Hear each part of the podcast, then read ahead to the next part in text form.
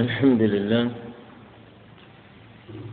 والصلاة والسلام على رسول الله محمد بن عبد الله وعلى آله وصحبه ومن والاه وبعد. السلام عليكم ورحمة الله وبركاته. يقول المصنف رحمه الله الباب التاسع في المسح على الخفين والجبائر في المسح على الخفين والجبائر. هذا باب من أبواب الطهارة وذلك لأن الرجلين من الأعضاء التي تطهر في الوضوء. وتطهير الرجلين إما بغسلهما وإما بالمسح على ما لبس عليهما. والملبوس على الرجلين إما الخفان وإما غيرهما. والمراد بالمسح هو في اللغة العربية إمرار اليد على الشيء بسطا. إمرار اليد على الشيء بسطا. هذا اسمه باللغة العربية مسح الخفان هما ما يلبسان في الرجلين مصنوعان من جلد يغطيان موضع الفرض من القدمين. أعني الخف يغطي القدم إلى الكعبين. وهو في الغالب يصنع من الجلد وهذا هو الأصل في الخف أنه يصنع من الجلد. أما الجبائر فجمع جبيرة. الجبيرة هي ما يوضع على الجرح. الإنسان إذا أصيب إذا إذا إذا انجرح أو به قرح وخرج وأخذ الدم يخرج منه أو الصديد فإنه يجعل على ذلك الموضع الذي أصيب فيه العصابة. هذه العصابة هي التي يقال لها الجبيرة. أراد المصنف أن يبين لنا ما يتعلق بالمسح على هذين الأمرين الخفان والجبائر. يقول أما الخفان فيجوز المسح عليهما عند الأئمة الأربعة في السفر والحضر. الحكم الشرعي المتعلق بالخفين مسحا هو الجواز. الفقهاء يقولون بأن الحكم الذي يتعلق بالمسح على الخفين هو الجواز. أي لا يجب المسح على الخفين إلا في حالات نادرة وإلا الأصل فيه الجواز. ثم هذا المسح أو هذا الجواز الذي وصف به المسح على الخفين هذا من باب الرخصة. وإلا الأصل في الرجلين أن تغسلا والرخصة فيهما أن يمسحوا على ما لبس عليهما من خفين. وربنا عز وجل يحب أن تؤتى رخصه كما يحب أن تؤتى عزائمه. وكما يحب أن تجتنب نواهيه.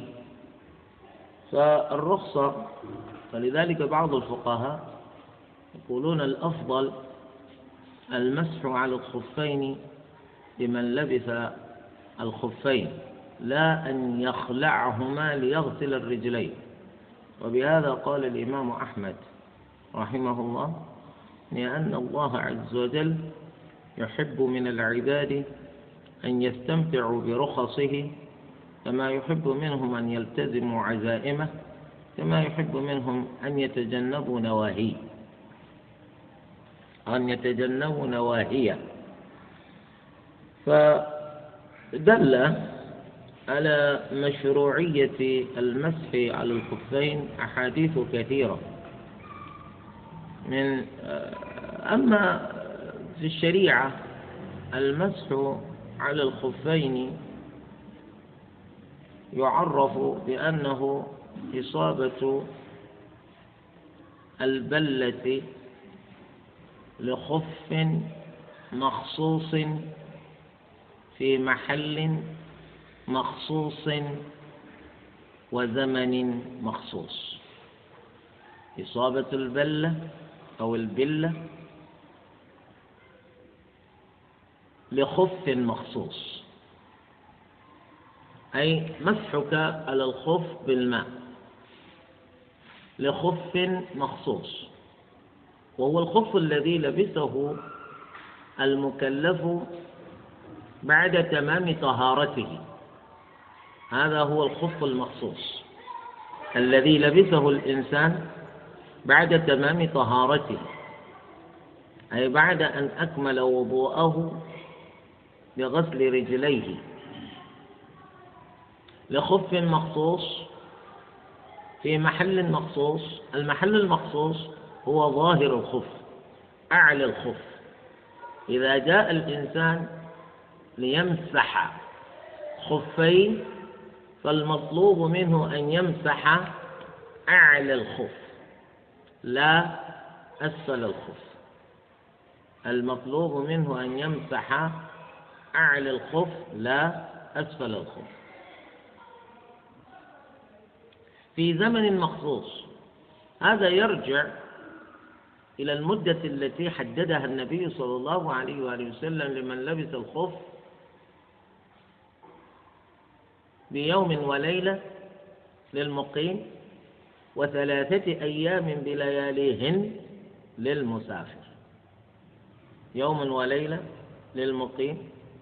وثلاثة أيام بلياليهن للمسافر. هذا هو المسح على الخفين.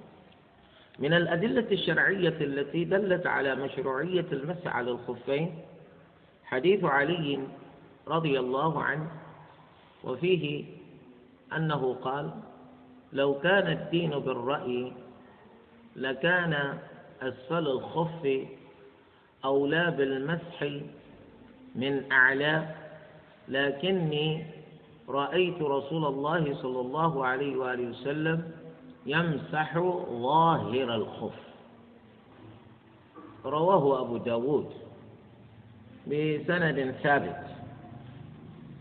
وهذا الحديث صححه الإمام ابن حجر في كتابه التلخيص الحبير. يقول إنه حديث صحيح. قوله لو كان الدين بالرأي لكان أسفل الخف أولى بالمس من أعلاه لكني رأيت رسول الله صلى الله عليه وسلم يمسح ظاهر الخف. هذا يدل على مشروعية المسح على الخفين.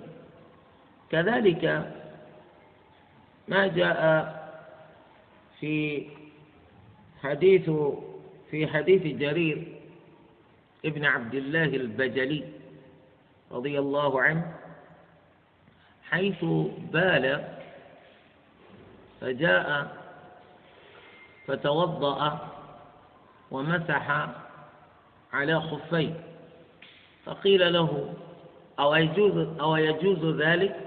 قال نعم رأيت رسول الله صلى الله عليه وآله وسلم بال فتوضأ ومسح على الخفين. فهذا الحديث يدل مما يدل عليه على مشروعية المسح على الخفين ويدل على أشياء أخرى. لكننا نريد أن نأخذ مما يدل عليه الآن دلالته على مشروعية المسح على الخفين. ودرير بن عبد الله البجلي يقول العلماء يعجبنا حديث جرير جدا. العلماء الذين يقولون بمشروعية المسح على الخفين يعتمدون اعتمادا كبيرا على حديث جرير. ذلك لأن بعض العلماء آه، ذهبوا إلى أن مشروعية إلى أن مشروعية المسح على الخفين منسوخة. منسوخة بآية المائدة.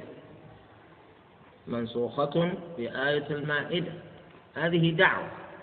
وآية المائدة قول الله عز وجل يا أيها الذين آمنوا إذا قمتم إلى الصلاة فاغسلوا وجوهكم وأيديكم إلى المرافق وامسحوا برؤوسكم وأرجلكم إلى الكعبين.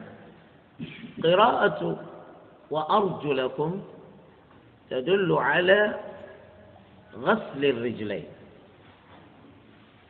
لأن وأرجلكم هنا معطوفة على وأيديكم. أي فاغسلوا وجوهكم وأيديكم وأرجلكم. فدل ذلك على أن حكم الرجلين الغسل وهناك قراءة بجر الأرجل. وأرجلكم إلى الكعبين. فيكون عطفا على الممسوح. فامسحوا برؤوسكم وأرجلكم. أي فامسحوا رؤوسكم وأرجلكم. معلوم عند جمهور الفقهاء من أهل السنة والجماعة أن حكم الرجلين الغسل لا المسح لا المسح فقالوا وأرجلكم معطوف على المغسولات من الأعضاء. أما قراءة وأرجلكم وجهوها هكذا. قالوا المقصود هنا يعني هنا عطف على اللفظ عطف على اللفظ لأن الذي قبله وامسحوا برؤوسكم فعطف عليه لفظا وأرجلكم لينسجمان برؤوسكم وأرجلكم. إنما هو عطف على اللفظ طلبا للانسجام. وإلا هو في الحقيقة معطوف على المغسول للاتحاد في الحكم. وهذا هو قراءة هو هو قراءة وأرجلكم. أو يوجه هكذا وأرجلكم أي واغسلوا أرجلكم إلى الكعبين. وأرجلكم قراءة هذه توجه بأنه وأرجلكم أي وامسحوا وامسحوا بأرجلكم إن عليها خفاف. إن كان عليها خفاف. إذا لبستم الخفاف فامسحوا على أرجلكم. أما عند الروافض الشيعة هم يمسحون على أرجلكم من غير أن يلبسوا عليها الخفاف. يمسحون على جلود أرجلهم هكذا لا يغسلون أرجلهم. إعمالا لي وأرجلكم. ومعلوم أنهم لا يعتبرون القرآن الذي عندنا قرآنهم هم. لأنهم يقولون عندهم مصحف مغاير للمصحف الذي عندنا هو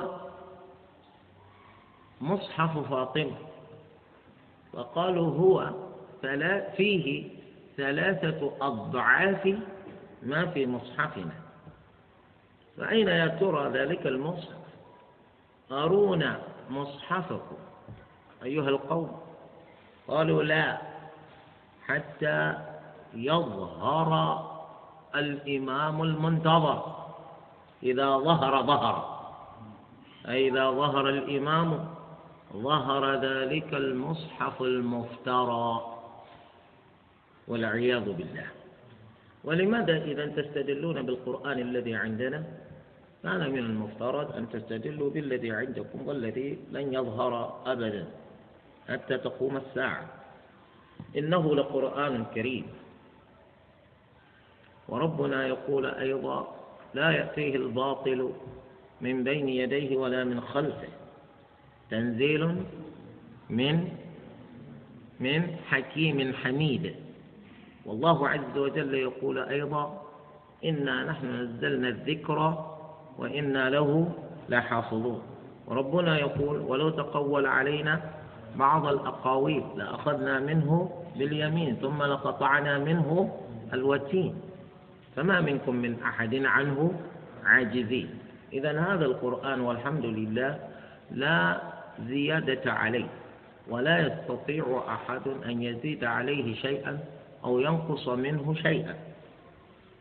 ليس لمحمد عليه السلام عليه الصلاة والسلام ولا لجبريل عليه السلام شيء من القرآن لا لا حرفا واحدا لا حرفا واحدا. كل ما في القرآن من أوله إلى آخره كلام الله. إذا نقول بهذا ها والعلماء الذين يرون أن المسح على الخفين منسوخ. يقولون آية المائدة هي التي نسخت المسح على الخفين والعلماء يقولون لا يعقبون على ذلك بحديث جرير ابن عبد الله البجلي. قالوا هذا جرير. وقد بال وتوضأ ومسح على الخفين واعترض عليه في ذلك. فأجاب بأنه رأى النبي صلى الله عليه وآله وسلم هكذا فعل. وجرير لم يسلم. إلا بعد نزول سورة المائدة. إذا لو كانت لو كان المسح على الخفين منسوخا لما رأى جرير شيئا من ذلك. لأن جرير أسلم بعد نزول المائدة.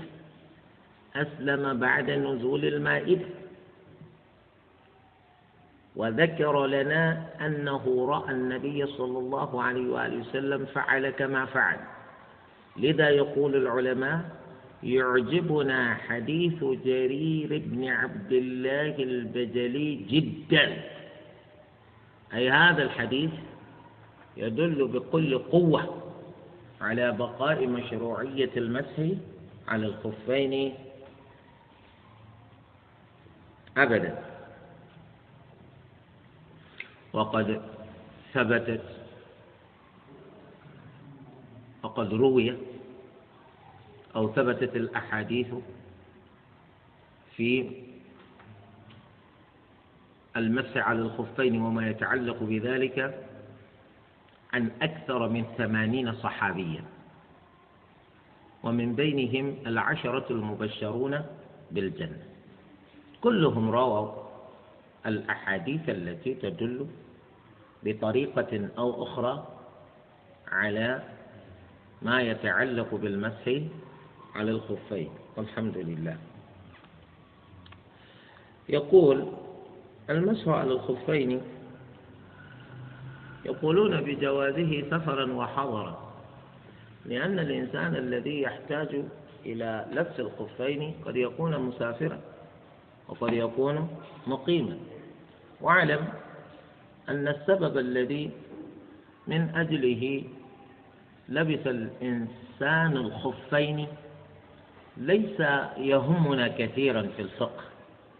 لا نقول إنما يجوز المسح على الخفين في حق من لبسهما لبرد أو طلبا أو استشفاء طلبا لشفاء في شقوق في رجليه.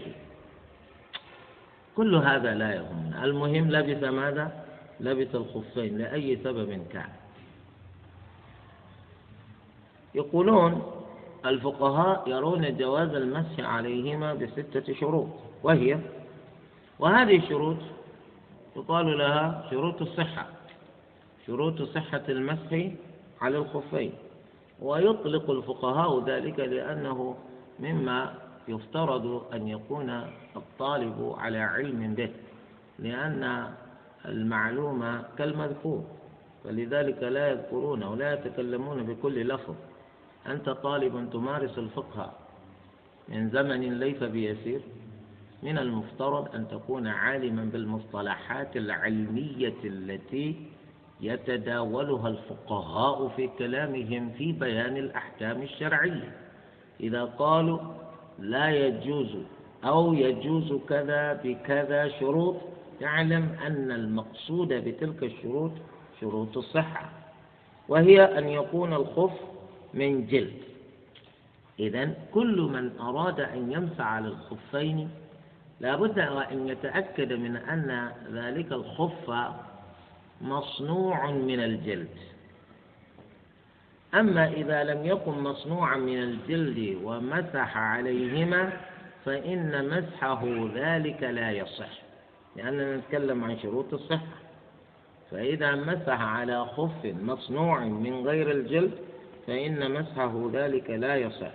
قال وصرح قال إنما قلنا بأن الخف لا بد وأن يكون مصنوعا من الجلد تحرزا من الجورب. تحرزا من الجورب.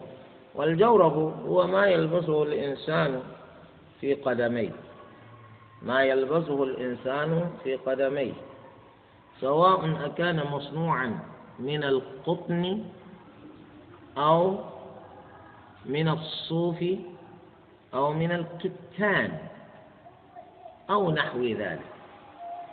يعني يصنع إما من الصوف وإما من القطن إما من الكتان هذا هو الجورب بخلاف الخف الخف يكون مصنوعا من الجلد. هو بهذا يقول إن ما يجوز عند فقهاء المذاهب الأربعة باتفاقهم المسح على الجوربين. دون المسح المسح على الخفين على الخفين دون المسح على الجوربين. قد يوجد منهم من يقول بجواز المسح على الجوربين لكن لا يكون ذلك باتفاقهم. الاتفاق على جواز المسح على الخفين. أما المسح على الجوربين فليس باتفاق. فليس بالاتفاق. وهو كما قال وهو كما قال الجمهور من الفقهاء أقصد بذلك الحنفية والمالكية والشافعية ذهبوا إلى أن المسح على الجوربين غير جائز إلا في حالتين اثنتين. الحالة الأولى أن يكون مجلدين أن يكون مجلدين أي أن يكون مغطيين بالجلد. الجورب هذا المصنوع من قطن أو الصوف يكون مغطى بالجلد. إذا غطي بالجلد اسمه يبقى جورا أو يصير خفا. هل يبقى جوربا أو يصير خفا؟ يصير في الظاهر خفا. وفي الباطن جورب صار خفا في الخارج. فهم الفقهاء يقولون نحن نريد من الجوربين أن يقومان مقام الخفين حتى نقول بجواز المسح عليهما. إذا لا يجوز المسح على الجوربين حتى ينقلبا خفين. فهمتم؟ هذا قول الجمهور. الحالة الثانية أن يكون الجوربين منعلين. أن يكونا منعلين. أي يكون يكونان على شكل نعل. يكونان على شكل نعل. أسفلها أسفله جلد وحوله يعني لا يختلف عن القول الأول. في الأول يبقى كخف في الثاني يصير نعلا لكن في الحالتين يكون الجلد هو الذي يغطي الجوربين. هذا هو قول الجمهور. و ذهب أحمد بن حنبل وأبو يوسف القاضي أبو يوسف ومحمد ابن الحسن الشيباني صاحب أبي حنيفة. هؤلاء ذهبوا إلى جواز المسح على الجوربين. والحنابلة خاصة من بين من قال بهذا القول لهم في جواز المسح على الخفين على الجوربين شرطان. الشرط الأول أن يكون الجورب ثخينا أن يكون ثخينا بمعنى يكون غليظا. لا يبدو منه شيء من القدم. لا يظهر منه شيء من القدم. يكون غليظا ثخينا لا يكون رقيقا خفيفا شفافا. يكون ثخينا غليظا لا يظهر منه شيء من القدم.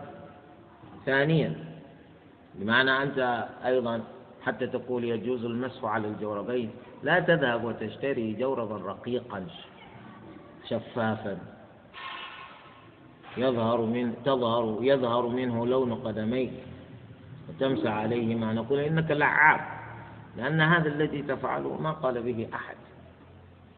ثانيا أن يمكن متابعة المشي فيه. أي يكون بحيث إذا لبسته تستطيع أن تمشي فيه بأريحية وسهولة. إذا هما الشرطان اللذان ذكرهما الحنابلة. أن يكون المشي فيهما ممكنا من غير شد بعورة من غير شد بحبل من غير ربط بحبل. لبسته يمكن أن تمشي فيه. هذا الشرط الثاني. ومعلوم أن الجوارب في عصرنا الحديث هكذا تصنع. الجورب إذا لبسه الإنسان يمكنه أن يمشي في الجورب ولا يحتاج إلى أبد إلى حبل. هكذا. ثم الجوارب أشكال. منها الشفاف ومنها الغليظ. إذا إذا أردت أن تمسح على جوربك على قول هؤلاء لا بد وأن يكون الجورب الذي تلبسه لتمسح عليه ثخينا غليظا. أما إذا ارتديت جوربا خفيفا شفافا لم يجوز لك أن تمسح عليه على قول من يجيز المسح على الجوربين. دليلهم حديث المغيرة ابن شعبة رضي الله عنه. قال إن النبي صلى الله عليه وآله وسلم مسح على الجوربين والنعلين. أن النبي صلى الله عليه وسلم مسح على الجوربين والنعلين. هذا حديث من؟ حديث المغيرة. المغيرة غير جرير. المغيرة غير جرير. وجرير هو الذي ذكرنا بأن حديثه يعجب العلماء جدا بسبب أنه إنما أسلم بعد نزول آية المائدة. فعلمنا بحديثه أن المسح على الخفين باق إلى قيام الساعة. أما المغيرة ورد ذكر اسمه كثيرا في مسائل المسح على الخفين خاصة آه، له قصة مع النبي صلى الله عليه وآله وسلم يوم أن توضأ النبي صلى الله عليه وآله وسلم فلما أوصل بوضوئه إلى غسل رجليه هاوى المغيرة لينزع الخفين عن رجلي رسول الله صلى الله عليه وآله وسلم فقال له النبي صلى الله عليه وسلم دعهما فإني أدخلتهما طاهرتين. هو نفس المغيرة. المغيرة هو الذي يروي الحديث الآخر هذا أن النبي صلى الله عليه وسلم مسح على الجوربين والنعلين. إذا الجوربان يختلفان عن النعلين. يختلفان عن النعلين. فالجورب هو ما يلبسه الإنسان في رجليه يصنع من الصوف أو القطن أو غيرهما لكنه ليس مصنوعا من الجلد. إذا فهمنا هذا هذا الحديث رواه أبو داود وكذلك الترمذي ويقول الترمذي هذا حديث حسن صحيح. هو حديث ثابت. إذا هذا الحديث فرق بين الجوربين والنعلين. دليل على جواز المسح على الجوربين. وإن لم يكونا منعلين. وإن لم يكونا منعلين على ما قال الجمهور. الجمهور يقولون يجوز لك أن تمسح. على الجوربين إذا كانا منعلين. الحديث الآن فرق بين الجوربين والنعلين دليل على أن الحكم أنيط بكل من الجوربين والنعلين كل على حدة. إذا بهذا نعلم أنه يجوز للإنسان أن يمسح على الجوربين. لكن يا معشر الحنابلة من أين حصلتم الشرطين اللذين ذكرت ذكر ذكرتموهما؟ أعني أن يكون ثقيلا ثانيا أن يكون المشي فيهما ممكنا. تعرفون من أين وجدوا هذا الحديث؟ يقول إن النبي صلى الله عليه وسلم مسح على الجوربين والنعلين. من أين وجدوا هذين الشرطين؟ أجيبوا. هذا هو الفقه. أجيبوا. أين وجدوا أن الجورب لا بد أن يكون ثقيلا؟ وأن الجورب لا بد وأن يكون المشي فيه ممكنا. أين وجدوا؟ هذين الشرطين. فكر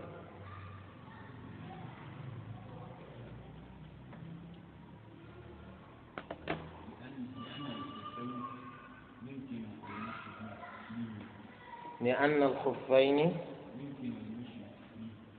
يمكن المشي فيهما. كذلك الجورب من أراد أن يمسح. عليه لا بد وأن يكون المشي فيه ممكنا صح. ومن أين وجدوا أن يكون ثقيلا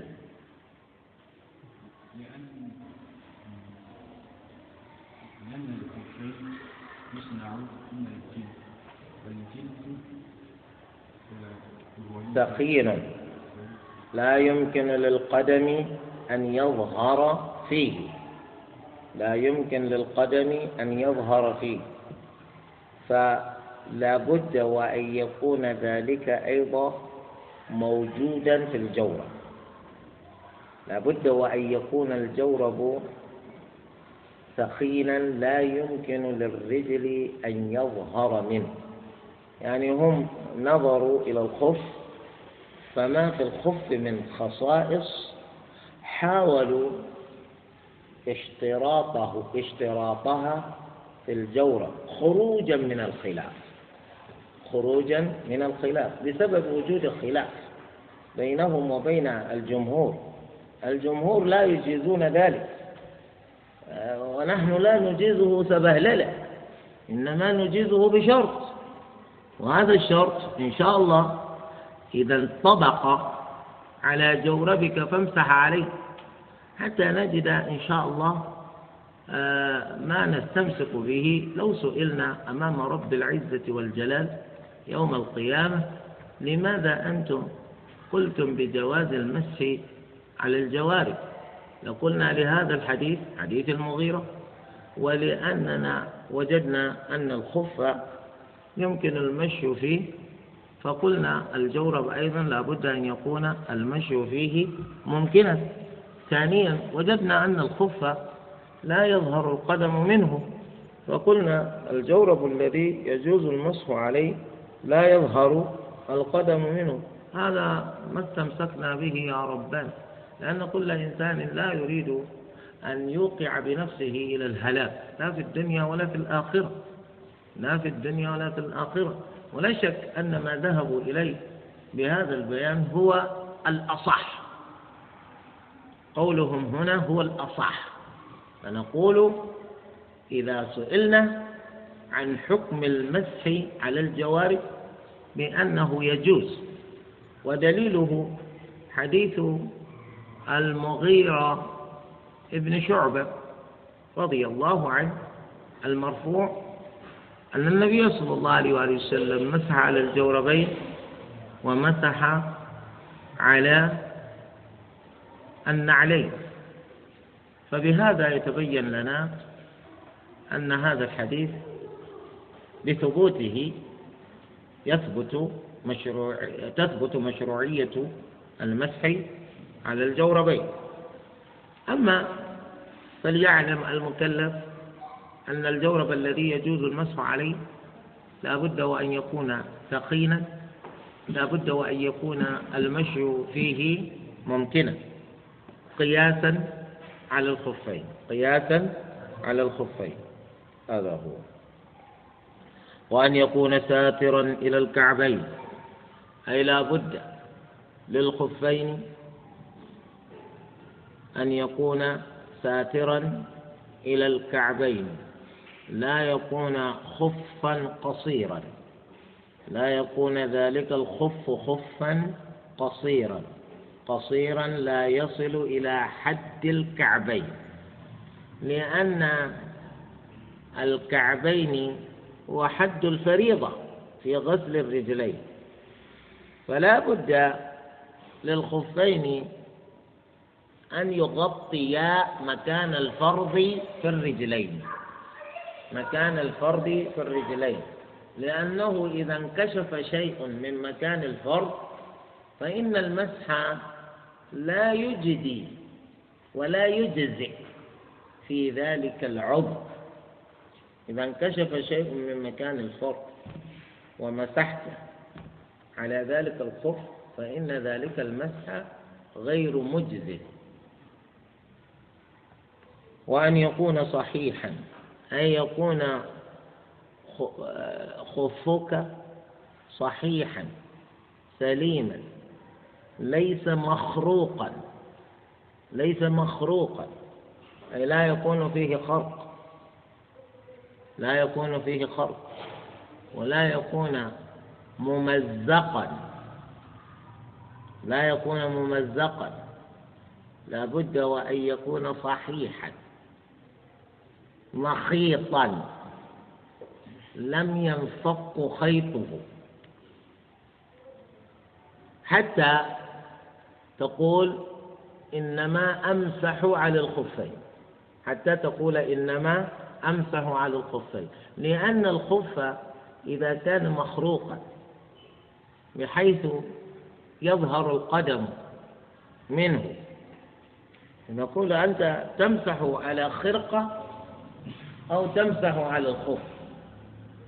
يعني إنما تمسح على الخرقة لا تمسح على الخف. لا بد وأن يكون صحيحا. إلا إذا كان ما فيه من خرق يسير. إذا كان ما فيه من خرق يسيرا. إذا كان خرقه يسيرا. لأن القليل في الشريعة يلحق بالعدد. القليل ملحق بالعدد. هذه قاعدة فقهية. القليل ملحق بالعدد إذا كان خرقه يسيرا فهو معفو عنه. وقال والخرق الكبير متى نقول إن هذا الخف خرقه كبير؟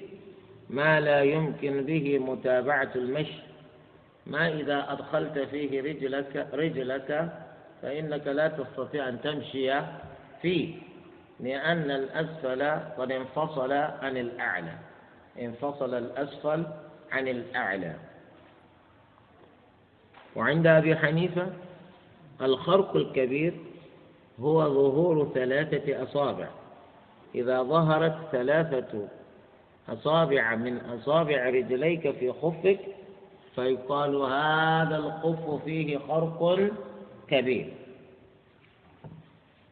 وأن يكون منفردا أي يكون الخف الذي تلبسه خفا واحدا. خفا واحدا في رجل واحدة.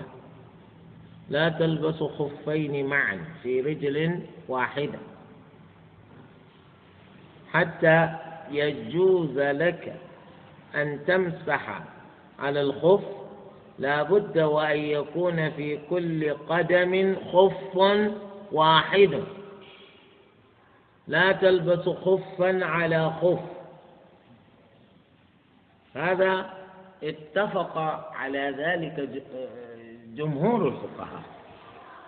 اتفقوا على أن الخف الذي يكون في الرجل الواحد يجب أن يكون خفا واحدا. وفي مس خف من فوق خف قولان. لو لبس الإنسان خفين في رجل واحدة هل يجوز له أن يمسح على ذلك الخف؟ قولان. قولان معروفان بالجواز وبالمنع. من أجاز ذلك؟ يقول العبرة بالخف الأعلى.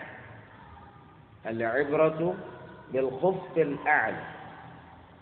لا سيما إذا كان لبسه لهما لبسا صحيحا. فالعبرة بالمسح على الخف الأعلى. ومن قال بعدم الجواز يقول العبرة بالخف الذي يلمس الجلد. العبرة بالخف الذي يلمس الجلد. وكيف يمسح على الخف الأعلى والجلد عدو للماء؟ فيتسرب الماء من الخف الأعلى إلى الخف الأسفل. هل يكون ذلك ممكنا؟ وليس الخف مصنوعا من الصوف. لو كان مصنوعا من الصوف أمكن للماء التسرب تسرب من الأعلى إلى الأسفل. فهذه وجهة نظر الفقهاء من أجاز ومن منع. والصواب الجواز. الصواب جواز مسح الخف الذي على غيره. مسح الخف على الخف يجوز. والناس قد يلجؤون إلى ذلك فرارا من البرودة الشديدة وتوقيا للبرودة الشديدة. يعني إذا كان الإنسان يعيش في أمكنة نزول الثلوج فإن الأجسام تتجمد بسرعة بسبب الجلود. فيحتاج الناس إلى ارتداء الثياب الواقية. ولذلك يلجؤون إلى إلى إلى إلى لبس خف على الخف. لبس خف على الخف. لأنه حتى لو لبس الخف على الخف فإنه ينتعل مع ذلك يلبس النعل على الخفين معا. والخف الذي يلبس على الخف يوجد خف. يعني هو في الغالب يلبس على الخف اسمه جرموق. يقال له جرموق باللغة العربية. يعني تكون قد لبست خفا أسفل ثم تلبس خفا قصيرا فوقه هذا الخف القصير يقال له جرموق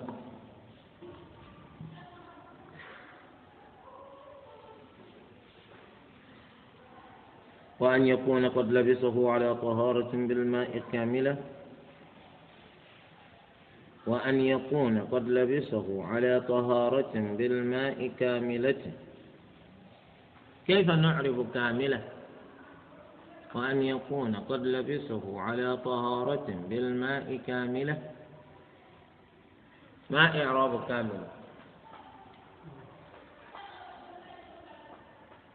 أه.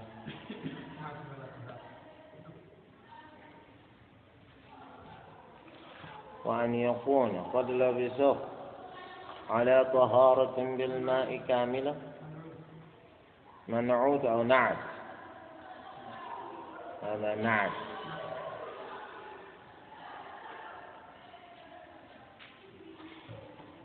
هذا صفة. هذا صفة. صفة للطهارة. صفة للطهارة. وفصل بينهما بالماء. بالماء. وهو متعلق بالطهارة. ومعنى الكلام هكذا حتى تفهمه وأن يكون قد لبسه على طهارة كاملة بالماء. هذا معنى الكلام. وأن يكون قد لبسه على طهارة كاملة بالماء. بمعنى لا يجوز المسح على الخفين إلا إذا كان المكلف قد لبس خفيه إثر وضوء كامل. يكون قد أكمل وضوءه بالتمام والكمال. في ذلك الوقت يلبس خفيه. وقوله بالماء فيه احتراز عن التيمم. أي من تيمم فلبس خفيه لم يجز له أن يمسح عليهما. لأن الطهارة المتحققة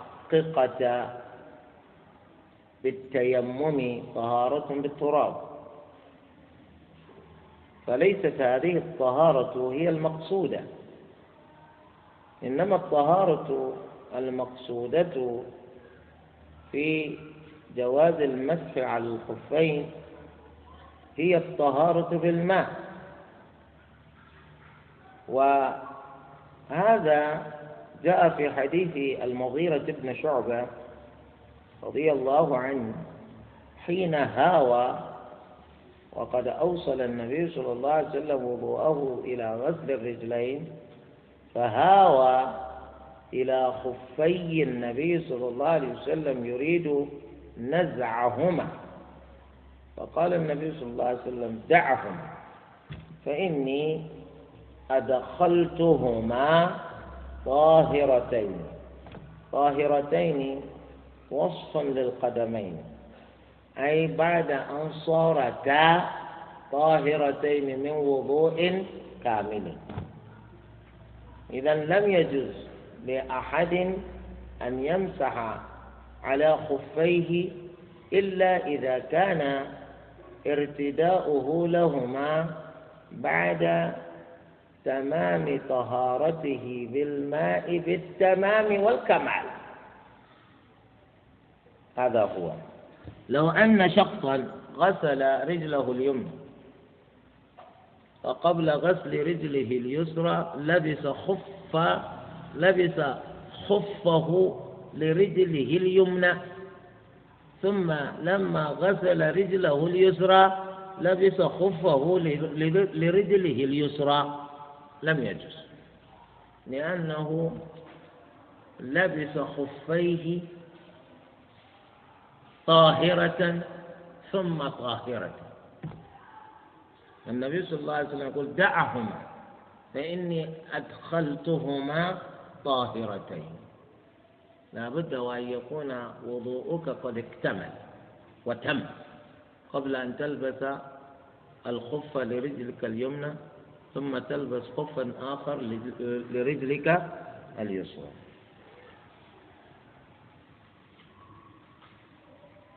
وأن يكون وأن يكون لبسه مباحا.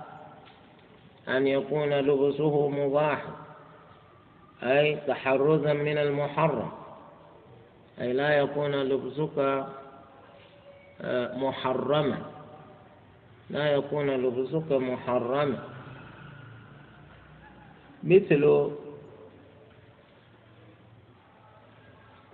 من لبس خفا مسروقا. لبس خفا مسروقا.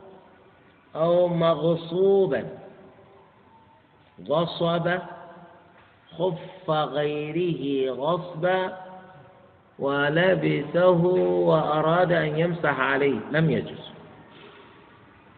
سرق خف غيره لم يجوز وقد يكون الخف محرما بأن يكون مصنوعا من جلد الخنزير. لأن العلماء على أنه لا يجوز استعمال جلد الخنزير. فقول النبي صلى الله عليه وسلم أيما إهاب دبغ فقد طهر هذا عام مخصص منه جلد الخنزير. حتى لو دبغ هذا إذا افترضنا أن للخنزير جلدا. فلا يجوز لك أن تمسح على خف مصنوع من جلد الخنزير. أيضا لماذا تسرق؟ لماذا تسرق يا رجل؟ لا يجوز لك أن تسرق خفا أو تغصبه. فإذا فعلت ذلك ومسحت على ذلك لم يجوز. والواجب مسح أعلى الخف. إذا بدأ يتكلم في الأحكام الأخرى. لقد ذكر الشروط. الآن استطرد بذكر الأحكام الأخرى المتعلقة بالمسح على الخفين. فقال الواجب مسح على أعلى الخف. الخف له أعلى وله أسفل. والإنسان الذي يتوضأ يغسل قدمه أعلاها وأسفلها. يغسل قدمه أعلاها وأسفلها. وهذا الإنسان الذي يلبس الخف في رجله يريد أن يمسح على رجله بدلا من غسلها. هل يمسح أعلى قدمه وأسفلها أو يكتفي بمسح أسفله دون أعلى لأنه إنما يدوس الأرض بأسفل الخف. أو يمسح على الأعلى والأسفل. أو يكتفي بمسح الأعلى دون الأسفل. يقول الواجب الواجب مسح أعلى الخف. لحديث علي رضي الله عنه الذي ذكرناه آنفا أنه يقول لو كان الدين بالرأي لكان أسفل الخف أولى بالمسح من أعلاه لكني رأيت رسول الله صلى الله عليه وسلم يمسح ظاهر الخف إذا الذي يمسح هو أعلى الخف. وقال ويستحب مسح أسفله. هذا استحباب من فقهاء المالكية. لكن هذا الاستحباب لا وجه له لأنه يخالف ما جاء ما جاءت به السنة. ونحن أمرنا بالاتباع. وما أمرنا بالاختراع في الدين. لا نخترع شيئا إنما نتبع. هذا الحديث يدل على أن الذي نحن مطلوب بمسحه هو أعلى الخف دون أسفل الخف. إذا وقيل يجب أي قول ثالث لأنه يجب مسح يجب مسح أسفل الخف.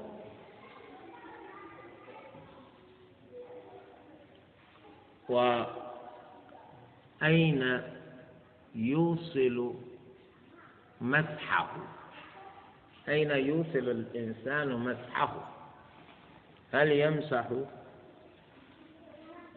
كل ظاهر خفه أو أكثره أو بعضه؟ بكل قيل لكن الإنسان يحاول أن يمسح أعلى خفه من غير تحديد. تمسح أعلى خفك من غير تحديد. لست مطالبا بأن تمسح الجنبين ولا بمسح أسفل الخف. إنما تمسح أعلى خفك تمسح ظاهر خفك من غير تحديد. هذه رجلك تمسح عليها هكذا. وانتهى. قال فإن آه، ويتمادى على المسح من غير توقيت بزمان ما لم يخلعه أو يحدث أو يحدث له ما يوجب الاغتسال. يقول الذي ارتدى خفيه يستمر في المسح على الخفين. يستمر في المسح على الخفين ما شاء الله. من غير تحديد. من غير تحديد بيوم وليلة ولا بعدد من الأيام أو بعدد من الليالي. وهذا هو المذهب عند المالكية. يقولون لا تحديد لمدة المسح لا تحديد لمدة المسح مدة المسح مفتوحة. تمسح ما شئت. هذا هو المذهب عند المالكية. وذلك لحديث أبي ابن عمارة رضي الله عنه أنه سأل النبي صلى الله عليه وسلم فقال أمسح على الخفين؟ فقال النبي صلى الله عليه وسلم نعم. قال فقلت يوما؟ قال فقال يوما. قال فقلت يومين؟ قال فقال يومين. قال فقلت ثلاثة أيام؟ قال فقال ثلاثة أيام. قال وما شئت. الشاهد وما شئت. أي امش امسح. ما شاء الله لك أن تمسح. امسح. ما شاء الله لك أن تمسح. فترك المدة مفتوحة من غير تحديد. قالوا وهذا دليلنا على أن مدة المسح مفتوحة. غير محددة. وهذا الحديث أجاب عنه جمهور الفقهاء من الحنفية والمالكية أو من الحنفية والشافعية والحنابلة الذين يرون التحديد. قالوا الحديث هذا رواه الإمام أبو داود في سننه. والإمام الدار قطني في سننه. إلا أن الدار قطني يقول هذا إسناد لا يثبت. هذا إسناد لا يثبت. أي الطريقة التي بها أتى هذا الحديث غير ثابت. فهمتم؟ وإذا كان الطريق الذي به أتى حديث من الأحاديث غير ثابت فإنه لا وجه لأحد أن يحتج أو يستدل بمثل ذلك الحديث. ولذلك قلنا كما قال العلماء علماء الحديث قالوا الإسناد حجة الإسناد من الدين الإسناد من الدين. ولولا الإسناد لقال من شاء ما شاء لقال من شاء ما شاء. فهكذا حديث لا يثبت فلا يصح للاستدلال به. وابن حجر في كتابه التلخيص الحبير وهذا الكتاب بالمناسبة مهم لطلبة العلم فهو خرج فيه أحاديث الرافعي في شرحه للعزيز. فخرج فيه أحاديث الرافعي في شرحه للعزيز سماه التلخيص الحبير. فأكثر الأحاديث التي يستدل بها المستدلون ويحتج بها المحتجون في الفقه الإسلامي تجده مخرجا في هذا الكتاب.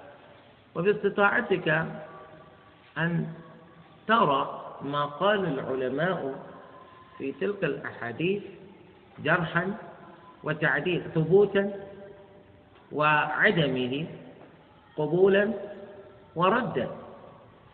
يعني تستطيع أن تنظر في هذا الكتاب. اسمه التلخيص الحبير تشتريه إن شاء الله يساعدك في سبيل طلبك للعلم. هناك حديث آخر. هذا الحديث ذكر في الموطأ. أن عمر ابن الخطاب رضي الله عنه رأى رجلا من الصحابة قد قدم من جهة العراق أو الشام ف وفي رجليه خفان فسأله عمر من متى وأنت ترتدي هذين. آه هذين الخفين فقال من الجمعة. من الجمعة. أي من ال... من أسبوع. من أسبوع. فقال له أصبت السنة. يعني أنت تلبس الخفين من الجمعة من غير نزع من غير خلع.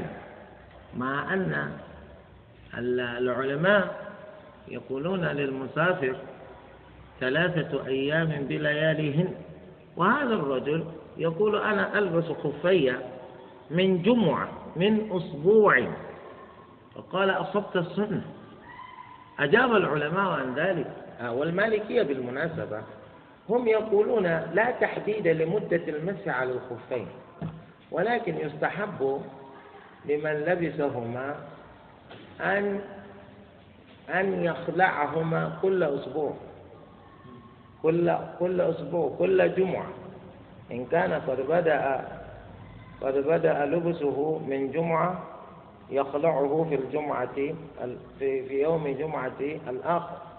إن كان لبسه في السبت خلعه في السبت الآخر. هذا كل جمعة ليس بمعنى يوم الجمعة فقط. إذا هكذا يقولون. العلماء أجابوا عن قول عمر أصبت السنة؟ قالوا نعم أصبت سنة عمر. ليست سنة النبي صلى الله عليه وآله وسلم لأن سنة النبي صلى الله عليه وسلم قائمة على أن مدة المسح محددة. مدة المسح محددة بيوم وليلة للمقيم وبثلاثة أيام ولياليهن للمسافر. أما مفتوح مدة مفتوحة لا وجود لها فهمتم؟ إذا الجمهور هؤلاء ما دليلهم؟ لهم أدلة كثيرة في التحديد من ذلك حديث علي رضي الله عنه قال جعل رسول الله صلى الله عليه وسلم ثلاثة أيام بلياليهن للمسافر ويوما وليلة للمقيم وهذا الحديث حديث ثابت رواه الإمام مسلم. هذا دليله. وهذا هو الأصح. أن أن للمسح أن للمسح على الخفين مدة محددة. لا يجوز تجاوزها. فهي للمقيم يوم وليلة وللمسافر ثلاثة أيام بلياليهن.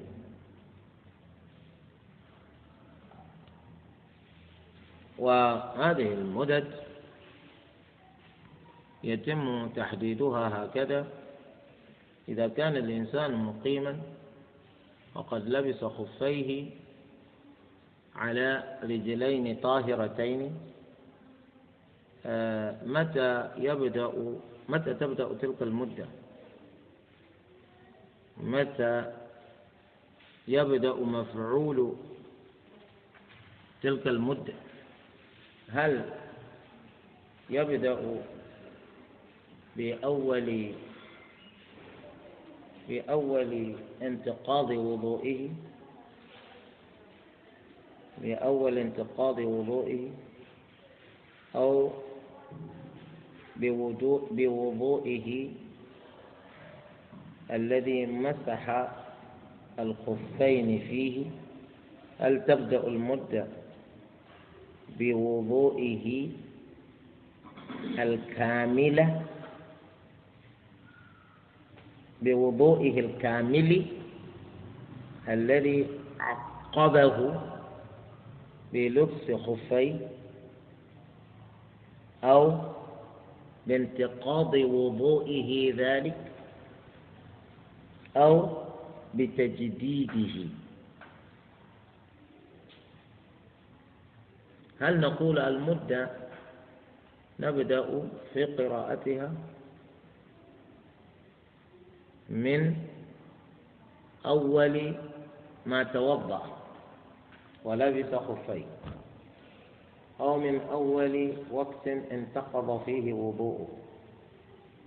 أو من أول وضوء توضأه بعد انتقاض ذلك الوضوء الأول. ثلاثة احتمالات. الأصح اعتبار الاحتمال الأخير. لا نبدأ في تعيين تلك المدة من وضوئه الأول. الذي عقبه بارتداء خفيه فنقول توضأت إذ لبست خفيك في الساعة الخامسة صباحا. فينتهي يومك وليلتك في الخامسة صباح غد. لا نقول ذلك. ولا نقول إذا كنت توضأت في الخامسة وصليت بذلك الوضوء صلاة الفجر. وحافظت على ذلك الوضوء إلى السادسة والربع. إلى السادسة والربع في ذلك الوقت أحدثت وانتقض وضوءك. هل نقول إنك تبدأ بتحديد المدة في السادسة والربع وتنتهي المدة في السادسة والربع غد من غد؟ لا نقول ذلك. هذا الوضوء الذي توضأته في الخامسة لم تتوضأ وضوءا آخر في ذلك اليوم إلا في الواحدة إلا ربعا. إذ أردت أن تتوضأ لصلاة الظهر. إذا المدة تبدأ بذلك الوضوء الذي توضأت. أول وضوء توضأت بعد الأول. إذا مدة يوم وليلة تنتهي في الواحدة إلا ربعا غدا فهمتم؟ هكذا نحدد اليوم والليل. وهذا في حق المقيم كذلك في حق المسافر.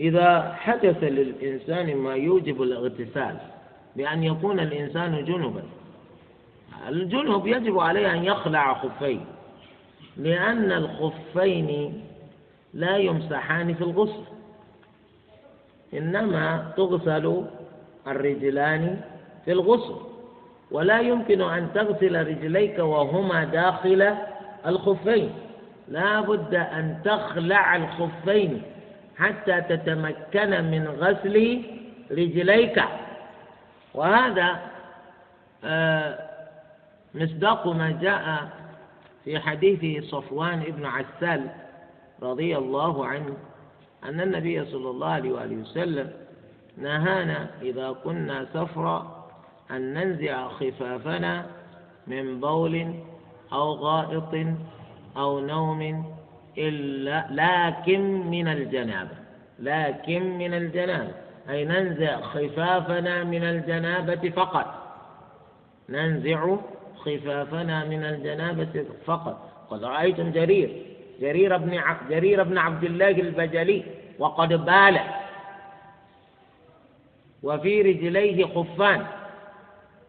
فتوضأ ولم ينزع خفيه بل مسح عليهما. استغرب بعض الناس ذلك فسألوه. فقال رأيت رسول الله صلى الله عليه وسلم بال فتوضأ ومسح على خفيه.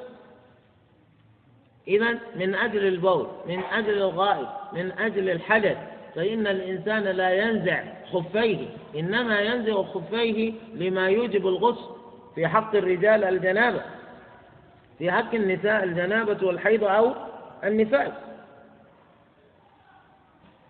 فإن خلعه انتقض المس الإنسان إذا خلع خفيه انتقض المس لا بد أن تغسل رجليك من جديد.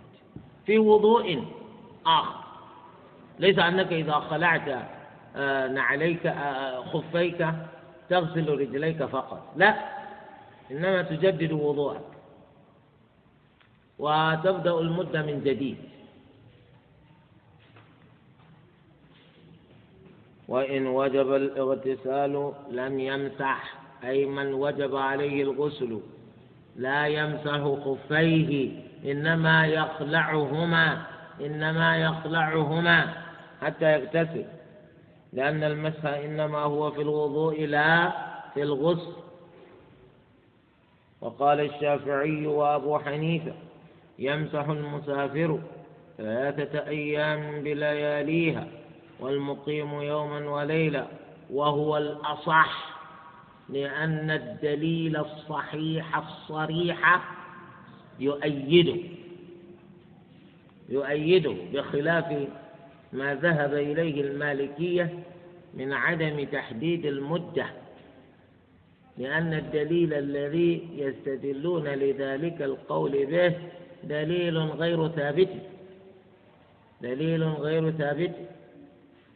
وأيضا الدليل الآخر هو دليل هو دليل ليس في قوة ما يمكن أن يعارض به دليل القول الآخر لأنه موقوف والموقوف ليس يقوى على معارضة المرفوع.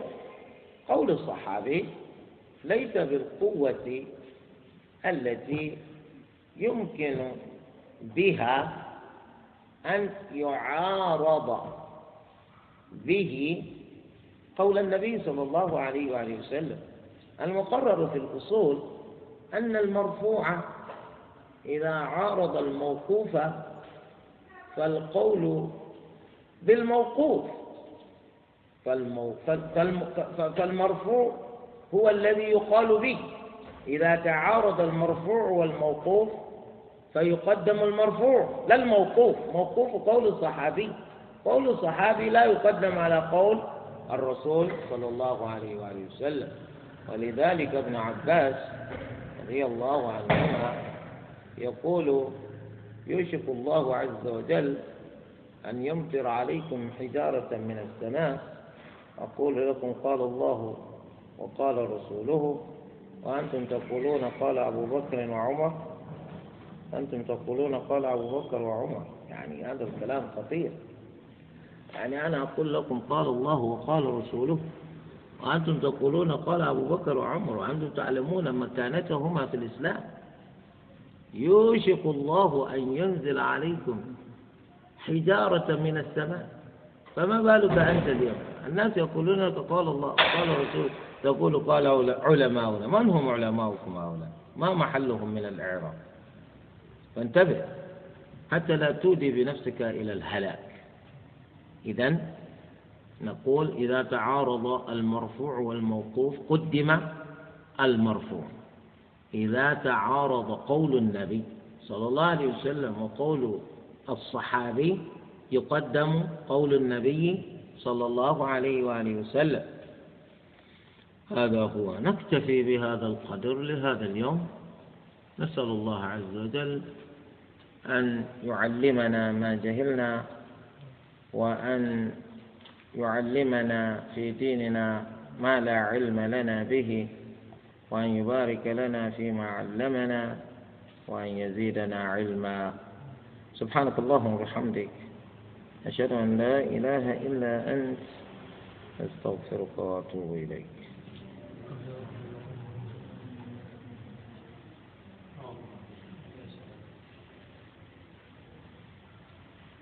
نعم. نعم. حول الشرط الخامس على أن يكون الإنسان على طهارة كامل.